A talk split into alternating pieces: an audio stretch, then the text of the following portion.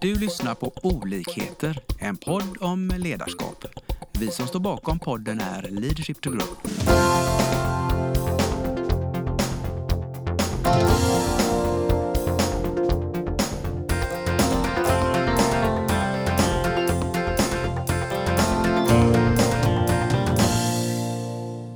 Hej och välkomna till dagens poddavsnitt. Vi som sitter här idag är allihopa från Leadership to Grow. Och det är eh, alldeles bredvid mig här, Nicole. Hej, hej. Och på andra sidan bordet har vi Thomas. Hallå där! Och sen är det ju jag själv, Mats Andersson. I dagens avsnitt så kommer vi ta avstamp utifrån en rapport som Thomas har läst och som jag vet ligger dig varmt om hjärtat. Thomas, Ja, vad, är, vad är det för rapport? Det är bolaget Ranstad som finns på många ställen i världen som har kommit med sin då Ranstad Employer Brand Research 2020.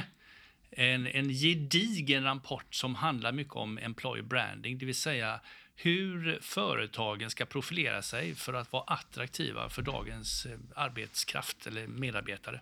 Wow, och den har du läst? Den har jag läst. Härligt. Mm.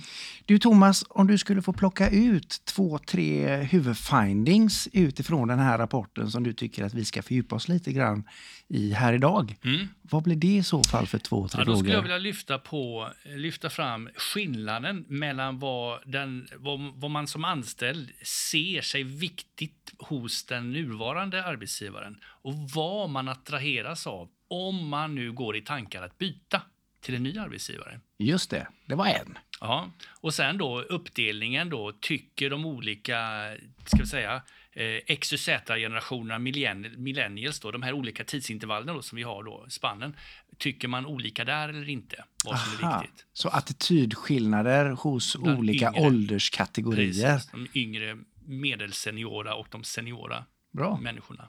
Det ska jag vilja lyfta fram. Vad tycker du vi ska börja med då? Ja, men låt oss titta på vad folk tycker är viktigt när man är hos sin arbetsgivare idag och vad som blir viktigt när man då ska byta, om man nu går i de tankarna. Och tittar man då på det, de här, av de här tio kriterierna som lyfts fram då, så ligger anställningstrygghet väldigt högt när man tittar på sin nuvarande arbetsgivare. Men när man då tittar framåt, då rasar den, den aspekten rasar ner till faktiskt till fjärde plats. Så den är inte lika viktig när man tittar framåt. Gott rykte exempelvis är en aspekt som är viktig hos oss när vi tittar på våra nuvarande arbetsgivare. Den kommer på fjärde plats. Men den rasar ner till den nionde prioriteringslistan då, eller nivån, när man tittar på en ny arbetsgivare.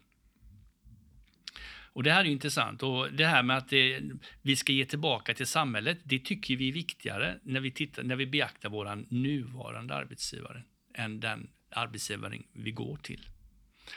Och Då blir ju också frågan då, vad är det då som lyfts åt andra hållet? Vad är det som är viktigare hos en arbetsgivare som vi kanske tänker oss att jobba hos framöver?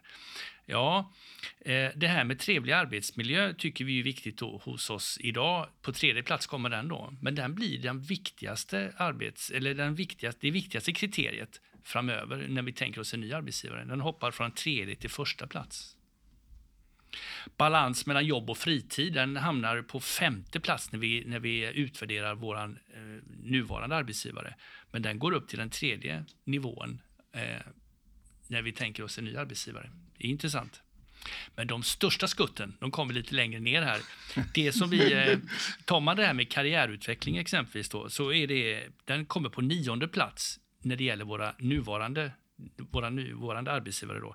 Men den hoppar upp till den sjätte nivån på när vi tänker oss framåt. Och likaså det här med attraktiv lön och attraktiva förmåner som i dagens läge då hos våra nuvarande arbetsgivare kommer på tionde plats. Men den får en riktig skjuts uppåt då till femte platsen. Så de stora skutten när vi beaktar en ny arbetsgivare, det är att få karriärutveckling och en attraktiv lön och attraktiva förmåner. De, de ska man titta på eh, och beakta när man, när man tänker sig att folk är i, i, i tankar om att flytta på sig. Så att Nicole, om du då som arbetsgivare ska tänka hur du lättast attraherar eh, arbetskraft till dig. Så bör du alltså ha koll på din arbetsplats så att du skapar en attraktiv arbetsplats i form av att den är trevlig. Eh, hur går era tankar där? Vad är en Ja. trevlig arbetsplats? Ja men precis, det, är så, det kan ju vara högt och lågt. Ehm, pratar vi kulturen bland de anställda, eh, miljön i sig. Ehm, och jag tänker också en intressant tanke där är också hur man även kan ta den här informationen till eh, hur, hur kan du nyttja den här informationen till dina befintliga anställda likväl? Mm. Mm. Absolut. Och det, är ju, eh, och, det är ju så, de som ska behålla sin personal nu, för nu är det ju väldigt viktigt att både inspirera och utveckla och behålla sina medarbetare och då i synnerhet då sina nyckelpersoner förstås då. Så vad är det man ska se upp med? Vad är det som kan få de här människorna att gå i tankar om att byta arbetsplats? Är man med på de noterna så, så kan man ju förhindra detta och se till att sina nyckelpersoner stannar då kvar. Så vad du säger Thomas, om jag förstår det rätt då, är att eh, det finns ett antal punkter som ligger högt hos arbetstagaren på vad man tycker är viktigt hos sin nuvarande arbetsgivare. Men för att jag då som arbetsgivare ska behålla dem så bör jag titta på vad är det de söker hos en annan potentiell arbetsgivare och börja prioritera de frågorna. Det kan vara mitt sätt att behålla dem. Mm. Jag skulle vilja säga så här att anställningstryggheten är en viktig parameter när man ska behålla folk. Eh, absolut. Intressanta arbetsuppgifter ligger på samma nivå, det vill säga andra kriteriet när man både tittar på nuvarande arbetsgivare och de eh, som man kanske går och tänker sig vilja jobba för framöver.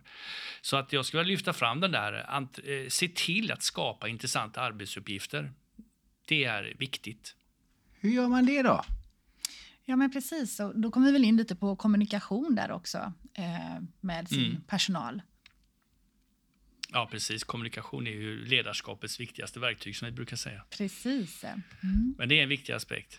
Det, vi, kan ju, vi kan ju gå över på en annan eh, frågeställning där som du hade Mats där i början och det var ju liksom hur de här olika då, eh, människorna, var de man då befinner sig i karriären, vad man nu tycker är viktigt då.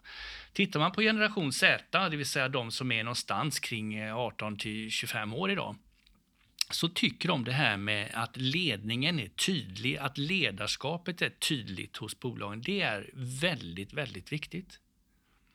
Går man sen vidare och tittar då på, på eh, millennies, det vill säga de som är födda lite innan och precis efter eh, eh millenniet där, det blir nästa åldersgrupp då, då, då tycker de det här med att karriärutveckling, det blir nästa brev på posten. Det här blir riktigt viktigt, att man har möjligheter att förkovra sig i sina arbetsuppgifter och kanske få ledande positioner. Tittar man på den största målgruppen, det vill säga generation X, de, de som är någonstans mellan 35 och drygt 50 år idag, de har det här med trevlig arbetsmiljö och intressanta arbetsuppgifter. Och det, det är väldigt, väldigt viktigt för dem. Alla kriterierna är ju viktiga, men nu talar vi om de där sakerna som sticker ut. Och sen då när man tittar på boomers, det vill säga de som är 55 och upp till en drygt 60 år idag då, då eh, är det ju det här med att eh, arbetsplatsen är viktig, intressanta arbetsuppgifter lika, lika så.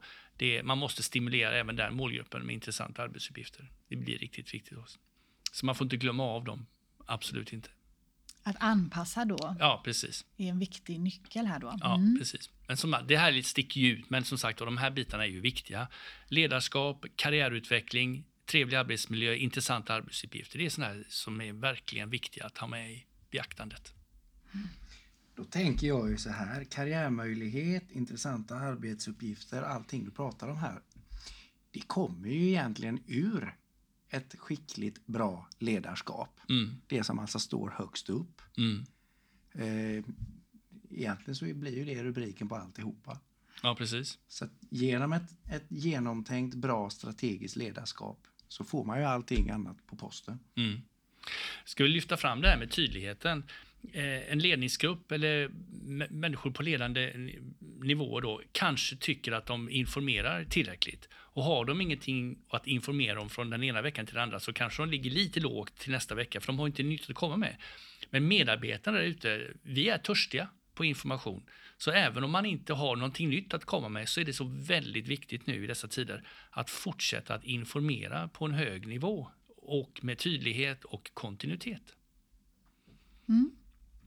Och, och är det något speciellt du tänker där då? Eh, någon viktig, eh, vad, man- vad det man vill få ut för, av typ av Ja, information? men jag har- jag har något mär- exempel? Ja, men det, alltså jag har ju märkt en tendens att vissa företag nu, när coronan kom i våras, då i Q2, så var det de som verkligen eh, tog fart och informerade mycket och kontinuerligt. Eh, Bra, bra intervaller.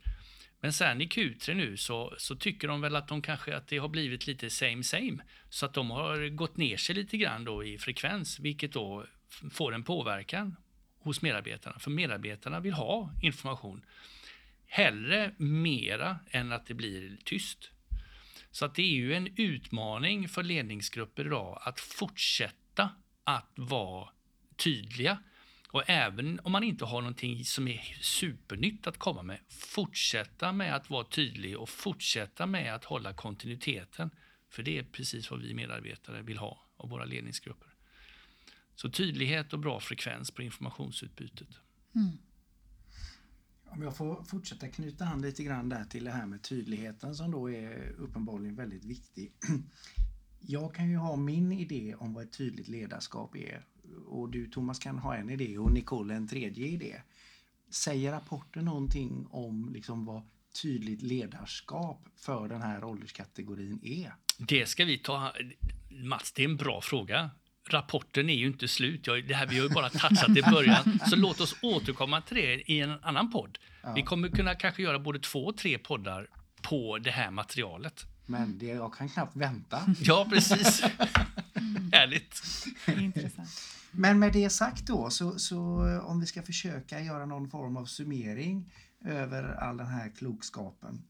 Så det vi kan se eh, utifrån detta är att de som söker sig till en ny arbetsplats och vad en arbetsgivare kan tänka på för att eh, få människor att stanna, det är att bara tänka på sin arbetsplats, arbetsmiljön och att det är en trevlig, stimulerande arbetsplats att vara på. Sen att det finns en tydlig idé om hur man skapar balans mellan arbetet och fritiden. Jätteviktigt. Och sist men absolut inte minst, det är att det finns en tydlig karriärplan. Mm. Att när jag som arbetstagare arbetar här så vet jag vad som krävs av mig för att jag ska kunna göra karriär här. Mm. Ja, precis, ja, du har mycket rätt där. Så ska man locka medarbetare till sig, som finns någon annanstans idag, så är det lön och förmåner och karriärutveckling eh, ligger högt. Intressanta ar- arbetsuppgifter förstås. Men eh, ska man behålla folk, så se till att de är anställda, att de är trygga i sin anställning. Eh, och se till att de har intressanta arbetsuppgifter och att, att, an- att eh, eh arbetsplatsen är trevlig och att arbetskollegorna och så vidare, att man har en bra relation till dem. Fint! Men med det sagt då så eh, tar vi och avslutar det här avsnittet och hoppas att vi får eh, träffa er i våra framtida poddar. Det får du säkert göra. Tack, för idag! Tack. Tack. Vi hoppas att vi har väckt tankar om hur du kan utveckla och stärka ditt personliga ledarskap. Följ oss gärna på våra sociala medier där vi heter Leadership to Grow. Om du vill ha mer inspiration och verktyg, gå in på vår hemsida leadershiptogrow.com. Tack för att du lyssnar.